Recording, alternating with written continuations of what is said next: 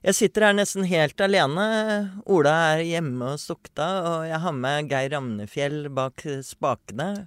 Da skal vi selvfølgelig snakke litt om klima også, Geir. Men, eh, men først skal vi snakke om det alle snakker om for tiden. Haddy Enjais bok. I think it's a disgrace. Jeg syns det blir litt spesielt. At Dagbladet driver med Donald Duck-journalistikk, det kjenner vi alle til. Men dette holder ikke. Du snakker jo bare visvask av arbeidslivet. Helt useriøst. You are fake news. Go ahead. Nå har vel alle fått med seg at Haddy Njay har kommet med bok om den såkalte Trond Giske-saken. Den ble lansert med brask og bram i beste sendetid i NRK i alle, alle kanalene og flatene deres. Og så intervju med selveste fredagsdronninga Anne Lindmo. Eh, men vi skal snakke litt om, eh, om, den debatten som har eh, kommet i kjølvannet av utgivelsen av boken. Ikke minst om eh, eh Haddy Njais eh, angrep på varslerne. Eh, men Sigrid Witzen, kulturredaktør i Dagbladet, du har lest hele boken. Jeg har lest boken. Ja. Og hva handler den egentlig om? Den boken er Haddys opplevelse av de skjebnesvangre ukene eh, for nesten to år siden, da Arbeiderpartiet konkluderte med at Trond Giske hadde brutt partiets interne regler om seksuell trakassering, og han måtte gå av som nestleder. Dette er hennes opplevelse av hva som skjedde da. Og en av tidenes største mediestormer, kan man si være i stormens øye, da. Ikke sant? Og det er jo veldig fascinerende eh, lesning, eh, syns jeg i hvert fall. Ikke sant? Rent litterær så havner den i en slags grenseland mellom dagbok og journalistikk, kanskje. Eh, den skal være basert på de dagbøkene hun skrev på den tiden, men, men det er så mye tilbakeblikk og tanker og eh, historier fra barndommen og sånne ting, at jeg ofte tenker at dette er nesten mer som en roman. Eh, jeg leser den i hvert fall veldig som en eh, roman. Eh, og tidvis veldig privat og personlig. Tidvis veldig, veldig privat personlig, og du kom jo inn i dusjen med Trond Giske.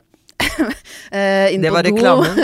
med Haddy, og du kan lese de private eh, SMS-ene dem imellom, som fascinerende nok nesten alltid slutter med et hjerte. Eh, ja, det er de, mange, jeg har hørt at mange er egentlig litt misunnelige på den der. Mm. Hvorfor får ikke jeg hjerte? Men samtidig at det er en sakprosabok, men det er ikke journalistikk, vil jeg si. Eh, jeg leser denne boka her som et partsinnlegg, en debattbok. Et forsvarsskrift. Et forsvarsskrift. Og man kan også si at det på en måte er enkildejournalistikk. Altså, for det er jo helt åpenbart at hennes store kilde er jo Trond Giske. Og her nærmer vi oss det som har vært, vært den store debatten etterpå. Altså, en sånn bok ville i enhver form være kontroversiell og omstridt fordi at det har stormet sånn i denne saken, og, og, og påstanden har stått mot påstand litt, grann, men så har man fått denne fellelsen i Arbeiderpartiet, som liksom er blitt konklusjonen til Arbeiderpartiet. Eh, og varslerne rykket jo da ut og følte seg overkjørt, eh, og sa at Haddy jeg påstår at vi lyver. Vi har ikke fått noe eh, noe eh, forvarsel fra eh, forlaget om at denne boken kommer. De ble fullstendig tatt på senga og føler seg liksom overkjørt igjen. Og det har vært en uh, skarp diskusjon. Men hvorfor er Hvorfor har ikke Heddy Njay rett til å skrive hva hun vil om disse varslerne og det som har skjedd? Altså hun har jo utgangspunktet rett til å skrive veldig, veldig veldig mye. Eh, men boka kritiseres jo eh, på flere punkter, som jeg var inne på. Det handler om eh, Den kritiseres for å undergrave varslerne og varslerinstituttet. At det blir vanskeligere for varslere senere, fordi eh, de kan hende at de blir hengt ut i en eh, bok. ikke sant? Line Oma, en av varslerne, har jo sagt at eh, hun opplever at Haddy anklager henne for å være løgner. Og det må du liksom Men det er vel det hun gjør? Det kan man altså, Man kan velge å lese det hun, som man vil. Eller, eller eh, kanskje eufemismen uh, Hun snakker ikke helt sant. ja. uh, men uh, det sant? som har skjedd Altså det, hun, det Haddy Rai blant annet påstår, er jo, som er ganske sterkt, er jo at, at ting ikke har skjedd. Dette mener Trond og jeg at det ikke har skjedd. men Haddy Rai er jo da Har ikke vært til stede der hvor dette har skjedd. Og Der kommer vi tilbake til den enkildejournalistikken. Eller i hvert fall at, at, den, at, at hennes sannhet eh, bæres av en annen, kan du si da. Ikke sant? Det er en annen sannhet som hun bærer. Eh, men Haddy, altså til mot denne kritikken, så har jo Haddy sagt at også varslere må tåle å bli motsagt. Ikke sant? Eh, så det er den varslerkritikken. Eh, og så er det kritikk rundt selve forlagsetikken ikke sant. Eh, vi i pressen vi er jo utrolig opptatt av det vi kaller samtidig imøtegåelse. At folk skal kunne komme med sin versjon av saken når de eh, Og hva betyr samtidig imøtegåelse? Jeg tenker at det er mange av disse begrepene som liksom svirrer rundt, og, eh, og som vi er kjent med. Selv om av og til så kan du lure på om pressen vet det selv, for det er jo på det området vi blir felt oftest i, i pressens Man skulle tro utvalg. det var enkelt. Ja, Men hva betyr det, altså? Det betyr at hvis jeg anklager deg eh, for et eller annet eh, av faktisk art Mm. eh, Å begå et lovbrudd eller gjøre eh, Begå seksuell ja, er trakassering, eh, så har du rett til å komme til orde i den saken. Mm. Da har du rett til må jeg ringe deg og si Marie, eh, vi har disse anklagene mot deg. Eh, hva er din kommentar til det? Mm. Eh, og det er samtidig imøtegåelse. Eh, mens eh, Mens hvis du gjør det i en bok, så kan du bare kjøre på. I en bok eh, så kan du fortelle hele din historie uten motstemmer, hvis du vil. Mm. Mm. Jeg, jeg er så fascinert av det som er blitt sagt om denne boken hele tiden. Så sier de eh, Hun har sagt, eh, Haddy har sagt det selv, at eh, jeg har jo rett til min egen sannhet. Eh, og, og det blir gjentatt rundt omkring i sosiale medier, sier jeg. Det samme ser jeg stadig vekk. Men det er jo sånn som er et kjent eh, kjent engelsk uttrykk for eh, Det er vel Times eller noe sånt som har det. At eh, You are entitled to your own opinions, but not your own facts. Altså, du har rett til dine egne meninger, men du har ikke rett til å påstå noe som ikke er sant. Og her er vel også litt eh, springende Det blir jo ikke sant selv om Haddy and Andrei skriver det i en bok. Altså, Sakprosa som dette er, er jo også underlagt straffeloven, selvfølgelig. Eh, så man kan jo alltids prøve den i retten. Hvis man ønsker det. Og det har jo hatt eksempler på. Bokhandelen for Kabul jo, ble jo prøvd i retten. Eh, det var jo et kjempegrabalder rundt Marit Christensens bok om moren til Anders Behring Breivik. Eh, fordi moren ombestemte seg, så vidt jeg har skjønt. Eh, Ingeborg Moreus Hansen ble jo dømt uh, for ærekrenkelse uh, etter en bok som handlet om da mannen ble overkjørt av en bil. Så det, er- det skjer jo det at bøker blir dratt i retten. Bare for noen år siden så hadde vi også disse bloggerbøkene. Der kommer bloggere gi ut sine historier hele tiden.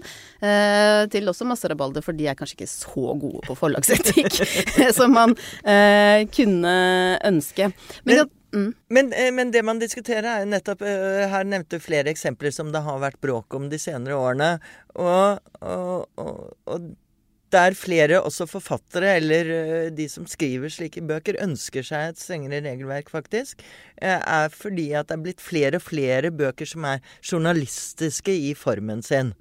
Så selv om du kaller denne nærmest en roman, så er det i hvert fall mange andre bøker som eh, er journalistiske. Og hvis de hadde vært skrevet eh, som en lang sak i magasinet, slik vi av og til gjør, så hadde de måttet følge Vær varsom-plakaten. Men fordi det utgis mellom to permer, så er det Det er jo på en måte Andre ytringsfrihetsprinsippet da, som står veldig sterkt i forlagsbransjen. At man skal kunne fortelle en historie fra en helt annen side enn det vi ville gjort. Og det er masse historier som vi i pressen ikke kan skrive, fordi det blir for presseetisk vanskelig. Ikke sant? Men det betyr jo ikke at disse eh, historiene ikke burde eh, ha et rom og ha en mulighet til å komme ut. Mange av de jo, kan jo være kjempeviktige.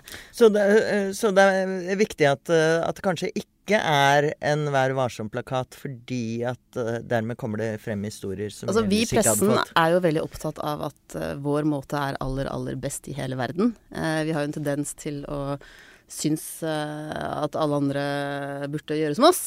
Eh, det burde ikke bokbransjen. Uh, for det er jo som sagt viktig at en del historier kommer fram. Og så må man jo på en måte ta debatten, da. Det er jo aldri enkelt. Si, jeg kan si det er et helvete eh, å kanskje være den personen som blir utsatt for en sånn bok, men det betyr jo ikke at den siden av historien er viktig å fortelle da, for samfunnet. For samfunn. Og det er jo det som er litt kult med denne Haddy-boka her, er at hennes historie, å være Å stå midt i en mediestorm Vi i pressen har jo alltid godt av å lese eh, historier om hvordan det er på den andre siden. Men det er også bra eh, for Norge som samfunn å lese en bok eh, som handler om hvordan det er å være den som blir da utsatt for varsel. Og, absolutt. Og det som er interessant, er jo at det har oppstått en diskusjon nettopp om hvem som har mest makt, og hvem som har mest ressurser. ikke sant? At eh, Haddy Enjay eh, påstår jo at hun og Trond var nærmest forsvarsløse og satt der, eh, mens varslerne har følt seg veldig ressurssvake og sårbare selv, og skriver jo om dette i innleggene sine, og føler at Haddy jeg som er en eh, veldig populær eh, programleder i NRK, elsket eh, artist, og, og, mange, har, mange, har, sympati og liker henne. Hun, de føler at hun bruker den posisjonen til, sin til å kjøre over dem. Jeg tror ikke Haddy nødvendigvis har reflektert nok rundt eh, hvem hun er, og hva som er hennes eh, posisjon. Altså hvor folkekjær du er, da. Det å være folkekjær er en sånn ekstrem makt eh, som man kanskje ikke reflekterer over til eh, daglig. Og det er jo klart det at når hun sitter på Lindmo eh, og eh, har nesten tårer i øynene og forteller hvor forferdelig det er, så får hun ekstrem sympati, naturlig nok. ikke sant? Så man kan jo, altså jeg, jeg tror ingen av de involverte i denne saken her følte at de hadde spesielt mye makt på noe som helst tidspunkt. Jeg tror at Jonas Gahr Støre følte ikke at han hadde mye makt. Jeg tror ingen følte at de var spesielt mektige i dette kaoset som oppsto. Men man kan jo si at denne boka er en slags sånn reetablering av gamle maktstrukturer, ikke sant kanskje den boka klarer men å svinge folkeopinionen opp, men, slik at men, Hadia og eh, Trond kommer Ja, men samtidig så er det jo nettopp det Trond Giske har forsøkt hele denne At han liksom egentlig har vært maktesløs, og Hadia gjentar det nå, at han ikke forsto sin egen makt og var ekstremt umoden. Men, eh, men dette med sextrakassering og slike problematikk handler jo nettopp om et asymmetrisk maktforhold, som det åpenbart har vært i en del av, av disse tilfellene. Og det mener jeg at folk, de du her nevner, Giske og Jonas Gahr Støre, og de som sitter på toppen av, av, norsk politikk, bør være klar over hvilken makt de har. Hele tiden bør de være klar over det. Ellers bør de i hvert fall ikke bli sånn. statsminister. Sånn. Nei, jeg tenker at det kanskje ikke føles sånn når man står midt i et mediekaos, da. Men man burde absolutt være klar over det til enhver tid. Men da kommer vi til en slags tredje kritikk av uh, denne boka. Det er intervjuet på Lindmo, uh, hvor Haddy fikk eh, lov til å legge fram sin historie, igjen uten motstemmer. Og i en veldig, sånn veldig kosete, kan si, pludrete fredagsunderholdningssetting. Og, og, dette husker jeg vi fra Skavlan pleide å være yndlingsarenaen til sånne næringslivstopper, husker jeg, som hadde, hadde Men Skavlan er eh, hard. Ja, han er hardere enn Lindmo, altså. Lindmo er ikke hard. Skavlan er, kan være hard. Ja, ikke sant? For det så vi jo. Han fikk jo kritikk bl.a. i intervjuet med, med Sverigedemokraterna. Uh, Imi Åkesson. Da fikk han jo kritikk for å være for hard. Uh, vi husker, noen av oss i hvert fall, det famøse intervjuet med, eh, med Geir Liv Valla. Så av og til så slår det tilbake, men uh, hos Lindmo var det mest koseprat, og det har jo mange reagert på. Folk har reagert på det. Samtidig så kunne de jo ikke Eh, fordi at Lindmo altså Hos Lindmo så må man ha samtidig imøtegåelse. ikke sant? Så hvis det kom noen angrep fra Haddy, så eh, måtte de jo trukket eh, varslere inn i studio. Eh, og det var ikke den type eh, setting, eller det er ikke den type program Lindmo er. Derfor så kan jeg si de danset veldig eh, liksom forsiktig rundt grøten hele tiden. Og det er jo helt klart, og absolutt en god grunn til å reagere på det. fordi at det ble veldig pusete, da. Men igjen så tenker jeg at uh, vi i pressen har et ansvar, vi òg. fordi at vi liker jo sånne bøker. Vi elsker og da sånne kan bøker. Vi, kan vi liksom uh, sitere fra de bøkene og gjemme oss bak at uh, dette står jo i den boken. Så, så, det er jo liksom en slags sånn omgåelse av, uh, av det ansvaret. Men det gjør jo også intervjuet kanskje litt dårligere, da. At hun ikke faktisk kan vise fram det raseriet hun har i boka. Hvis vi hadde gjort et intervju med henne i Magasinet f.eks., og hun hadde snakket ut om alt, så hadde vi sannsynligvis kjørt en sak også hvor noen fikk eh, komme med sin samtidige imøtegåelse. Det hadde jo selvfølgelig gjort saken mye mm. bedre. Mm. Men, eh, men, dette med Stand by your man-kritikken Jeg tenker hvis eh, Sindre Finnes, som jo er, er mannen til uh, Erna Solberg hvis han hadde kommet med en rasende bok på vegne av Han har jo vært rasende på vegne ja, av Erna. Ja, men da ble han jo nettopp Han skrev jo en twittermelding som han siden måtte uh, beklage, fordi at han uh, skjelte ut skjelte ut Ingunn Solheim, av alle ting, programlederen på NRK, som han mente var litt tøff mot Erna. Men hvis han hadde skrevet en hel bok, så hadde den blitt mottatt helt annerledes. Så det er jo en posisjon som Haddy jeg har som, som du sa, folkekjær programleder. Ekstremt folkekjær. Jeg husker det var en som kommenterte Så du blikkene til de i Lindmo, de som satt og så på? Det var en mykhet i blikket da de så på sant? Eh, Så hun har en helt særegen posisjon. Eh, Folk liker henne fordi hun fremstår som ekstremt oppriktig og jordnær og kan snakke om de vanskelige tingene, men også om de lette tingene. Altså sånn, hun har en helt spesiell posisjon. Så Sindre Finnes ville nok ikke fått samme sympati. det tror jeg vi kan konkludere med. Men uh, han ville jo kanskje heller aldri gjort det. Nettopp. Det er mye som eh, aldri har vært gjort før i denne saken. Men uh, Sigrid, til slutt. eh, som kulturredaktør i kulturorganet Kultur. Dagbladet. Mhm. Kultur. Kulturuke. Eh, hva hva tenker egentlig hva er Dagbladets ståsted når det gjelder Vær varsom-plakat for forlagsbransjen? Jeg synes at altså, nå, akkurat nå så er det en, eh, et utvalg som sitter på fra NFFO, som da betyr Norsk faglitterær forfatter- og oversetterforening. De sitter og utarbeider en slags sjekkliste eh, for eh, etikk for sakprosa. Og det syns jeg eh, er positivt. Men enhver varsom-plakat mener jeg ville blitt for strengt. Det ville det ville begrenset ytringsfrihetsrommet som det er litt viktig at forlagene har. Men det betyr jo selvfølgelig ikke at de burde gi ut alle disse bøkene hele tiden. Eh, og de burde ha Du mener eh, redaktørene kan jeg mener at redaktørene av og til kan betenke seg, eh, men det er på en måte viktig at de har muligheten til å gi ut sakprosa som er ja, som slår hardt og godt. Siste ordet er nok ikke sagt i denne saken, så følg med videre. Dette var bare en første debatt.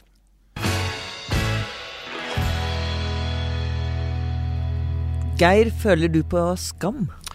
Jeg føler ikke skam. er det lov å si? Nei, jo, kanskje litt. Jeg tror du er en av de som påfører folk skam, tenker jeg. Det er jo Har jo vært som de fleste kanskje har fått med seg, de, at eh, skam er blitt det nye eh, innbegrepet i eh, miljø- og klimapolitikken. Først så var det flyskam, som vi hadde i vår. Eh, angivelig skulle man slutte å, å fly. Dette var noe som var importert fra Sverige. Så kom eh, i høst kom jaggu ordet oljeskam. Som var litt mystisk på hvor det kom fra. Eh, oljearbeidere skrev sånn på Facebook 'stolt oljearbeider'. Eh, Mm. Underforstått at, eh, at de fikk kjeft og fikk beskjed om at de ikke hadde grunn til å være stolte. Og så nå kom plutselig høstjakta satte inn, og da kom jaggu Statskog med det nye begrepet kjøttskam, og var redd for jaktas fremtid.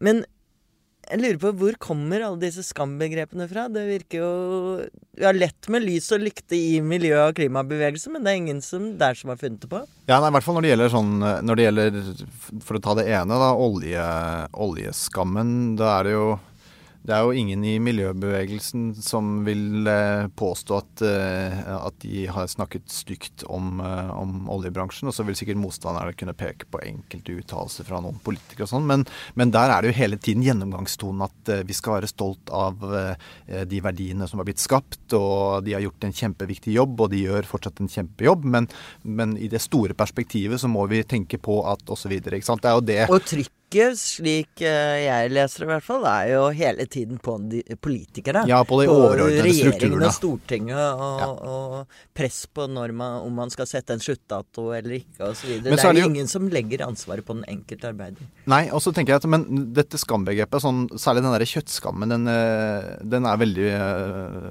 I hvert fall den siste som, som det siste eksempel på det, som du sikkert kan dra gjennom bedre enn meg, Marie. Men, men det er et sånn det er en sånn eh, litt sånn manipulering av debatten. For det her handla om Statskog, da, som eh, advarte mot eh, kjøttskam om, fra jakta. Men det er jo veldig få som mener at altså, viltet er jo det som man skal være, skamme seg aller minst over å, å, over å spise. Det er jo litt sånn Det er jo et miljøvennlig alternativ når, når, det kommer til, når det kommer til kjøtt. Men problemet med, med disse debattene er at både når det gjelder fly og det å spise mindre kjøtt, sånn, det handler jo om eh, ugjendrivelige fakta. At skal verden klare å nå klimamålene sine, så må vi fly mindre, og vi må spise mindre av det industrialiserte landbruket, fordi det er veldig utslippsintensivt. Eh, og da handler det bare om en sånn bevisstgjøring som man må komme med. Man har ikke noe annet valg enn å fortelle faktaene. Mm, mm. Eh, og det er jo ikke å påføre folk skam, det er jo bare å bevisstgjøre. Og det som er veldig eh, farlig med at i hvert fall store, større samfunnsaktører går ut med en slik begrepsbruk, er jo at man skaper en sånn polarisering. Og det ligger det jo allerede an til i klimadebatten. ikke sant? Altså Det grønne skiftet og omstillingen kommer til å skape rabalder og bråk, og gjør det allerede. Og kimen til til motsetninger ligger der. Det har vi sett bare bompengedebatten, ikke sant. Eh, så det å nøre opp under det syns jeg er eh, direkte uansvarlig. Altså det er eh, Vi er vel stort sett i det, blant de demokratiske aktørene i Norge enige om målet. Så er det diskusjon om hvordan man skal nå dit, ikke sant. Det er Og jeg syns også det er en sånn forestilling som man skaper om at, uh, om at, de som er interessert i opptatt av klima og det grønne skiftet, er noen sånne urbane elitister, mm. livsfjerne mennesker som sitter nede på Kampen hvor, jeg, hvor jeg bor. noen av oss gjør det, da. Men, uh, men, det er jo ikke det som er tilfellet. Nei, altså jeg syns det er et veldig, veldig godt uh, poeng som, som, du tar tak i der, Marie. At um, med en så stor eh, utfordring som dette her er for samfunnet, for Norge, for verden de neste tiårene, eh, så må de ansvarlige aktørene være litt forsiktige med å polarisere debatten mer enn nødvendig. Fordi man vet at fordi man vet at motsetningene i samfunnet selvfølgelig vil gjøre det vanskeligere å finne fram til eh, løsningene. Men når en sånn eh, sak eller en konflikt tilspisser seg, så er det jo klart at da er det jo Aktører vil jo ha interesse av å sette ting på spissen, for, man vet jo at det er sympati å hente, stemmer å hente. Så, så Statskog da med kjøttskammen sin, de bør Altså, de bør skamme seg, er det lov å si det? Ja, de bør skamme seg lite grann. Det, det, kan vi være enige i. Men i den virkelige verden, ja. der hvor uh, politikken formes, der det, skjer det også saker og ting. Altså, uh, det har jo vært kjent liksom Det er en slags sånn grå uh, storkoalisjon som har styrt og regjert over oljepolitikken i alle år. Høyre, Arbeiderpartiet og liksom deler av de andre partiene òg. Eh, og hvor man Det minste avvik har blitt kalt vingling. Men nå eh, vingler de alle, alle sammen, påstår du, Geir? Ja, jeg har skrevet en kommentar om det i avisa denne uka. Fordi det har, eh, det har skjedd en ny interessant utvikling i oljedebatten, som er en gjentagende affære i, uh, i, norsk politikk, og som blir sett ekstra på spissen i, i klimaperspektivet.